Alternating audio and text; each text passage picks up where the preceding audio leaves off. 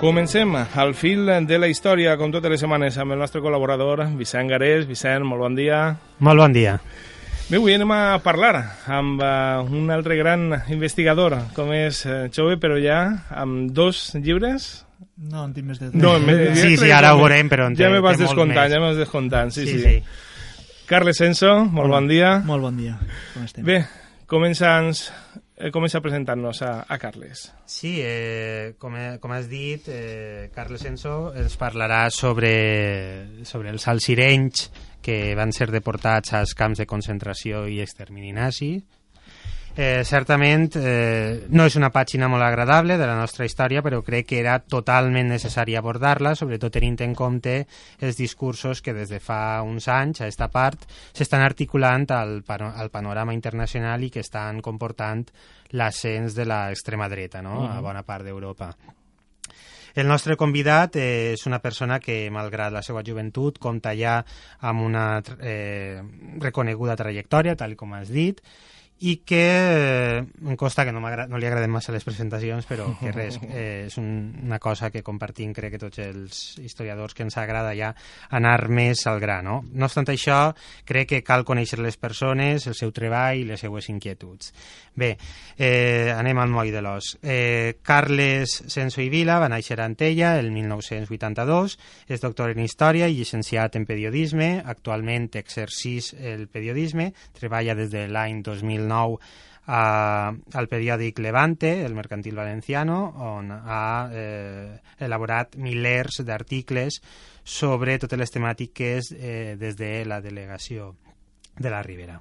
És cap de premsa del torneig internacional de futbol eh, l'Alcúdia El Cotif.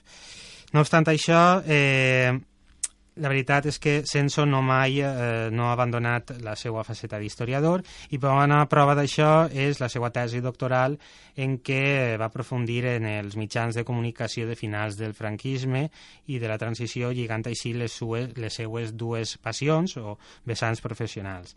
Actualment el nostre convidat col·labora amb el Cefire amb un curs multidisciplinari sobre el període 1914 a l'actualitat, centrant-se en l'ascens dels totalitarismes, l'Holocaust i els drets humans. En el terreny de la divulgació científica, cal dir que ha publicat fins al moment una dotzena de llibres eh, de temàtica històrica i local quedat, eh, i cultural. Bé, així, el 2015 va publicar, eh, junt amb Ximo Vidal, La ignomínia de l'oblit, els valencians de la Ribera als camps d'extermini nazi, del qual en fem eh, en el dia d'avui especialment resolt, tenim el llibre així damunt la taula. Uh -huh.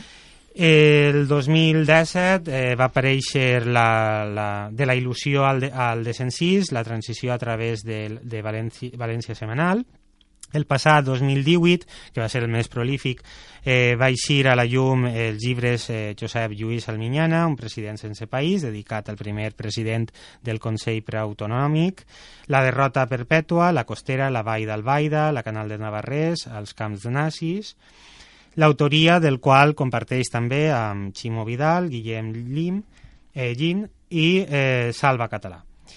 A més, el 2018 el nostre convidat va guanyar el Premi Ramon, el prestigiós eh, eh, Premi Ramon Barnils, amb un treball sobre el paper de l'anarquista eh, César Orquín a Mauthausen.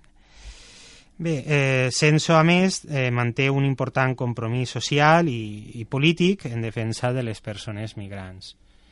I fins ahir un poc la presentació del nostre jove convidat d'avui.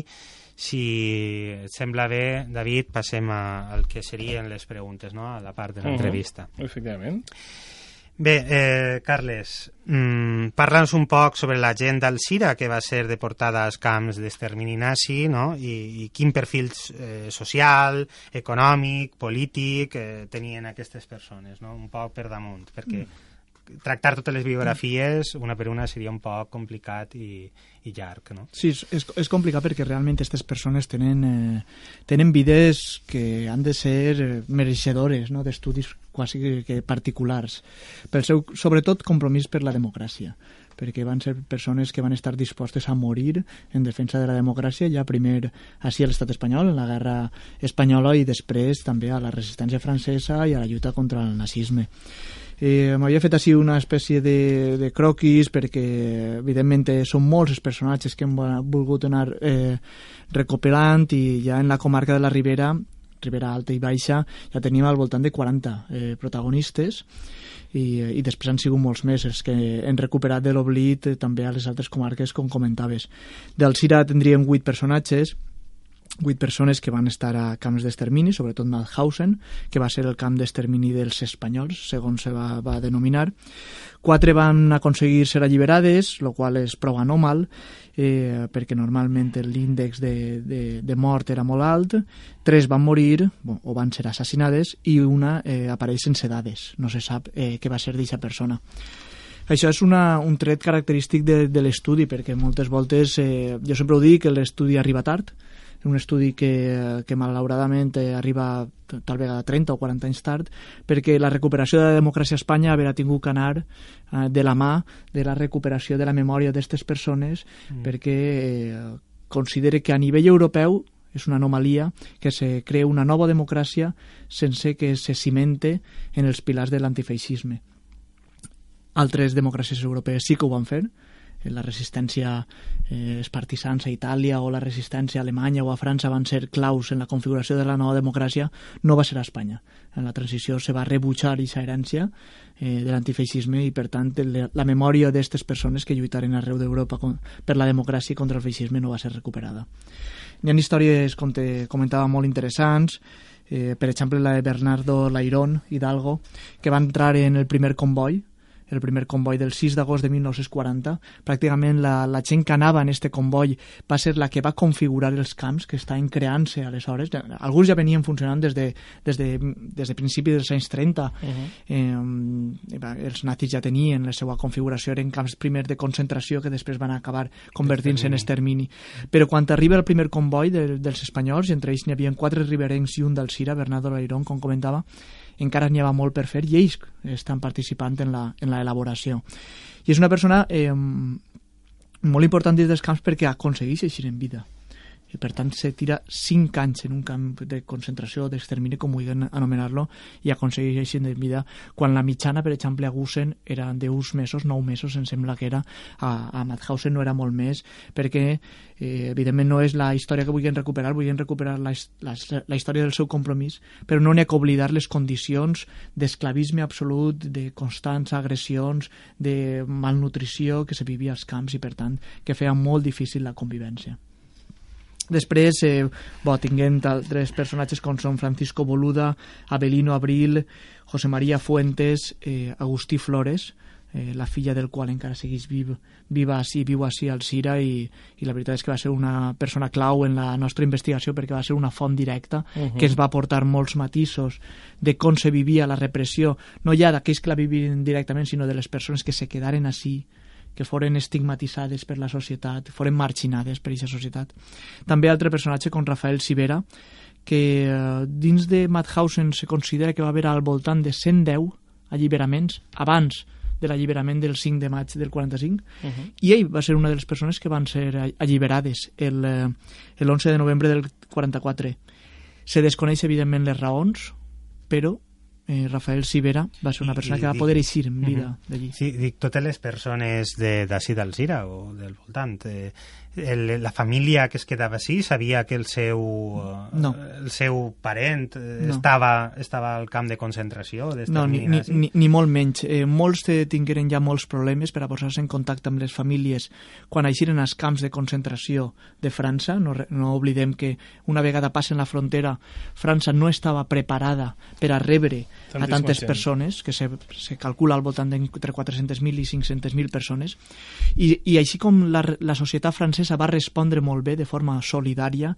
no tan bé van respondre les autoritats, que, eh, bueno, eh, no estaven, anem a dir no estaven preparades per a no ser especialment injustos, però eh, concentraren a, a, als espanyols, als republicans que eixiren per la frontera, a uns camps sense condicions eh, mínimes, i molts espanyols ja tingueren ahir moltes dificultats per posar-se en contacte. Ja després eh, eh, s'involucraren les companyies de treballadors estrangers o en l'exèrcit i a partir d'ahir ja va ser molt difícil seguir-los el rastre i algunes famílies reberen la notificació quan ja havien eixit dels camps en el 45, foren alliberats i poderen posar-se en contacte amb, eh, amb les seves famílies. Per exemple, estic pensant en Joaquín Olaso Piera, de Carcaixent, que se posa en contacte després de 5-6 anys desaparegut, o eh, també eh, Agustín Flores, que la família rep la notificació de la, de, la, de la seva mort a Gusen em sembla que són 10 anys després, és a dir, en el 55. Eh, estem parlant de que eren persones desaparegudes, uh -huh. no sabia on havien estat, i eh, se viuen situacions també dramàtiques, perquè sempre se conta, per exemple, la família d'Agustí Flores, comenta com eh, una cosa molt injusta que quan, quan van rebre la notificació de, de, de que havia mort, evidentment se van, van tindre un moment de, de, de dol tal vegada massa explícit i van tindre que suportar com una persona veïna afí al règim passava a casa, tocava a la porta i dia per favor, esteu plorant per una persona que ha mort a un camp que se mereix, que era un republicà, un rojo, o pareu o cridem a les autoritats. Claro. Una repressió que se va viure durant dècades, com parle. Uh -huh i eh, els salsirenys, que ja s'has parlat un poc del perfil dels salsirenys, eh, tenien algun tipus de vinculació política directa amb la Segona República? Aquest és l'aspecte que crec que ha quedat un poc més. El, el que jo consideraria, evidentment, vinculació política s'ha de ressenyar, eren persones progressistes vinculades a la democràcia, que quan es produeix el col d'estat franquista eh, estan a la part republicana i per tant lluiten contra el col d'estat, però eh, jo crec que no és un tret definitori en el sentit de que mm, la majoria de les persones que acaben a camps d'extermini nazis no tenen un delicte de sang. Són persones que sí han tingut el seu compromís per la democràcia, s'han vist obligades a, a eixir a l'exili per la por a la repressió, uh -huh. però, per exemple, eh, quan Agustí Flores, en França, en el camp de francès, ell deixa a una filla, a una dona i a una filla, sí, que també era anòmal, perquè normalment se'n van molts joves al voltant del 60-70% de les persones que se'n van tenen menys de 35 anys tota la vida per davant. Claro. I moltes persones se'n van sense parella, i per tant des, després a l'hora d'investigar és molt difícil rastrejar a aquestes persones perquè no deixaren no res, eren molt res. joves mm -hmm. els seus pares i mares han mort ja i és molt difícil però per exemple Agustí Flores sí que deixa a una parella i a una filla acabada de néixer i envia una carta que diu no he hecho daño a nadie jo crec que vaig a poder tornar per, perquè no he hecho daño a nadie. No pot tornar. Yeah. I acaba morint a Gusen. El tret definitori d'aquestes persones, jo crec que per damunt de la seva vinculació a alguns eh, trets ideològics, a formació d'alguns eh, partits polítics, jo crec que era que formaven part de les classes subalternes. Tots, si ho analitzes, això sí que ho tenen consciències. Eren llauradors, fusters, eren persones de classe baixa, que eh, no lluiten tant eh, a, la, a la república per, per, per la seva ideologia, sinó perquè per a ells era, un, una, era sobreviure. Ells estaven lluitant per, per canviar l'estatus quo, per canviar una societat que per a ells era molt, eh, molt injusta. Uh -huh.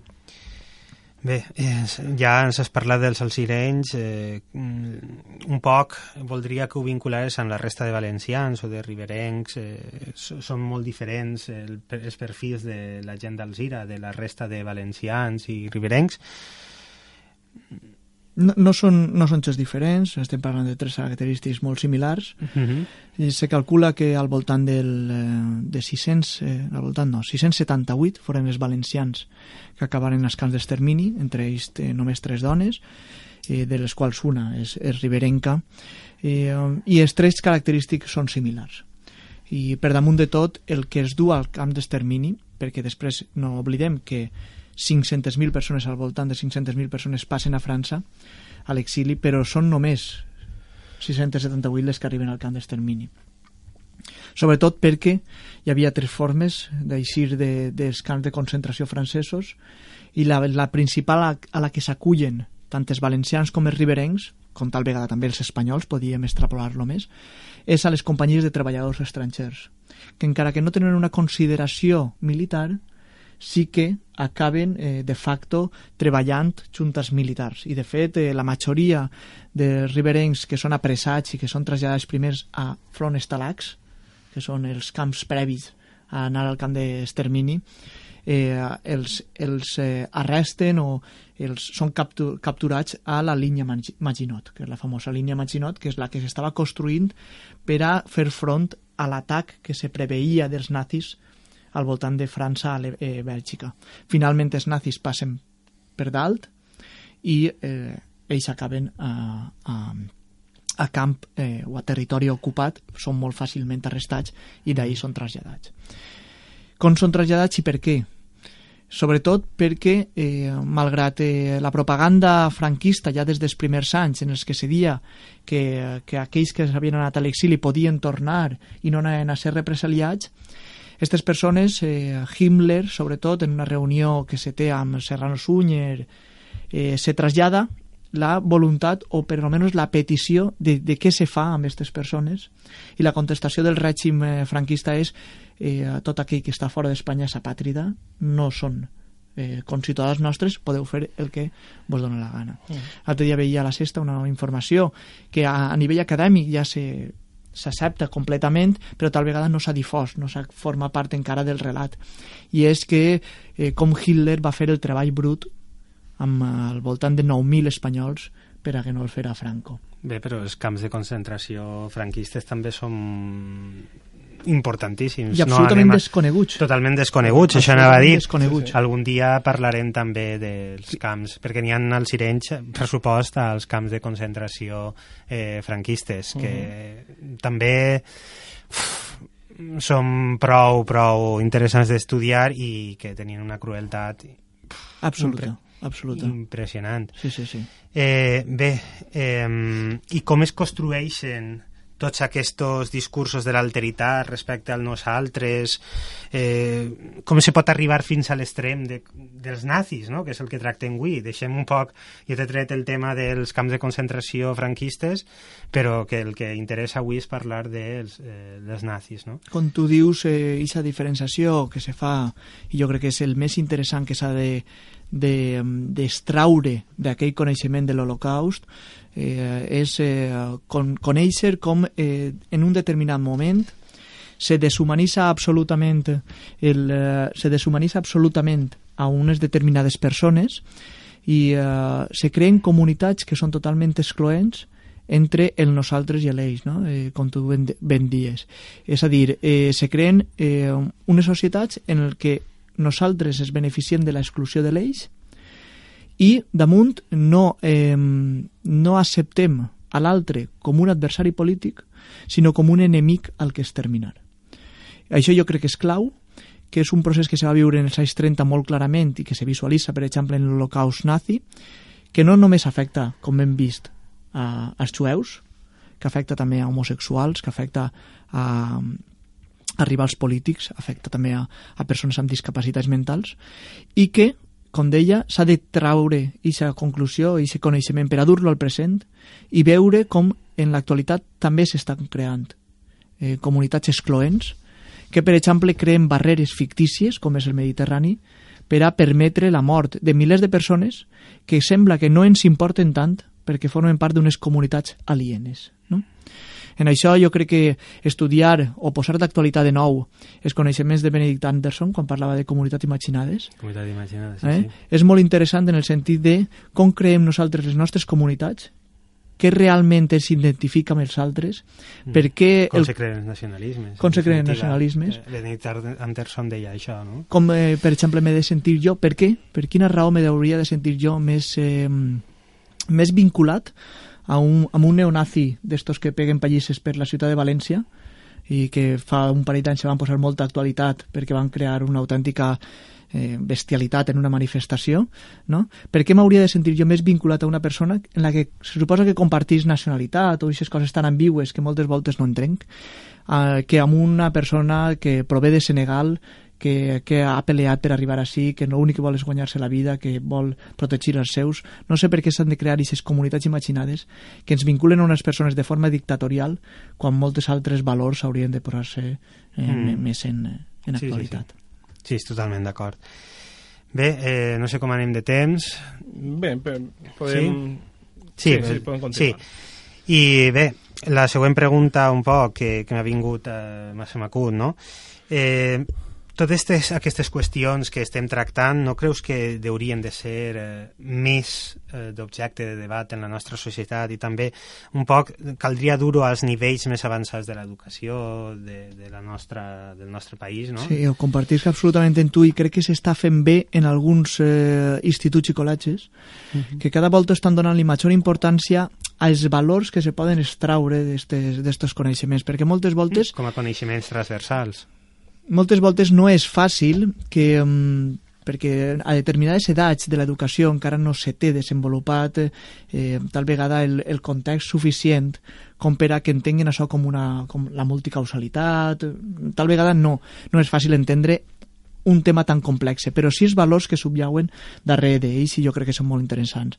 Alguns instituts, per exemple, a Torís, a Xàtiva s'està fent també, o a Dassuar, l'altre dia vaig estar jo en Bunyol, molt interessant el que s'està fent de forma multidisciplinar per a que s'entenga que des de totes les assignatures se poden traure o se poden treballar aquest tipus de valors per a que des de les primeres edats entenguen que per a combatre aquest tipus de marginació, aquest tipus d'alternitat que tu parlaves de diferenciació entre, altres, entre nosaltres i ells, és clau la empatia.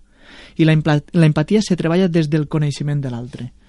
Jo crec que este llibre el que pretenia, o estos llibres, estos, este tipus d'investigació, el que pretenia era, com tu ben dius, eh, reduir el prisma, baixar-lo eh, a la, al, al, micro. Sí, sí, sí, al, al, a la persona. A la persona i a la societat més, més, més xicoteta, per a dir-li a la gent, per exemple, als estudiants del CIRA, que hi havia gent del CIRA que va estar als camps d'exterminis que va patir l'Holocaust.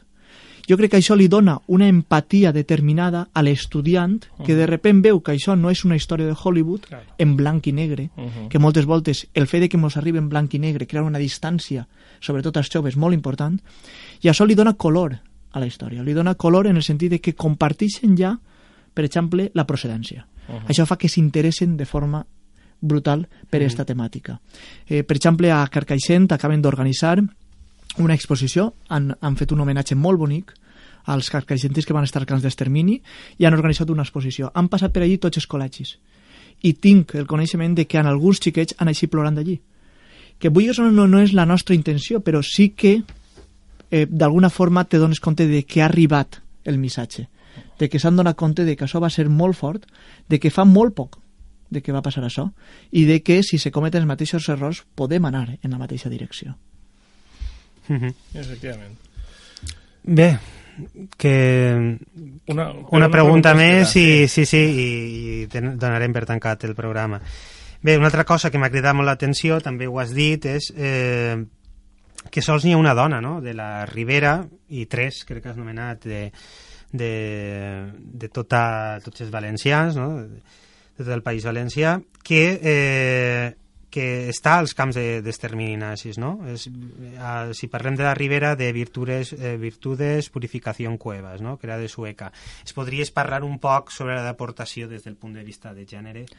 Em sembla que és molt interessant per dos factors. Crec que el primer és per què eh, afecta les dones.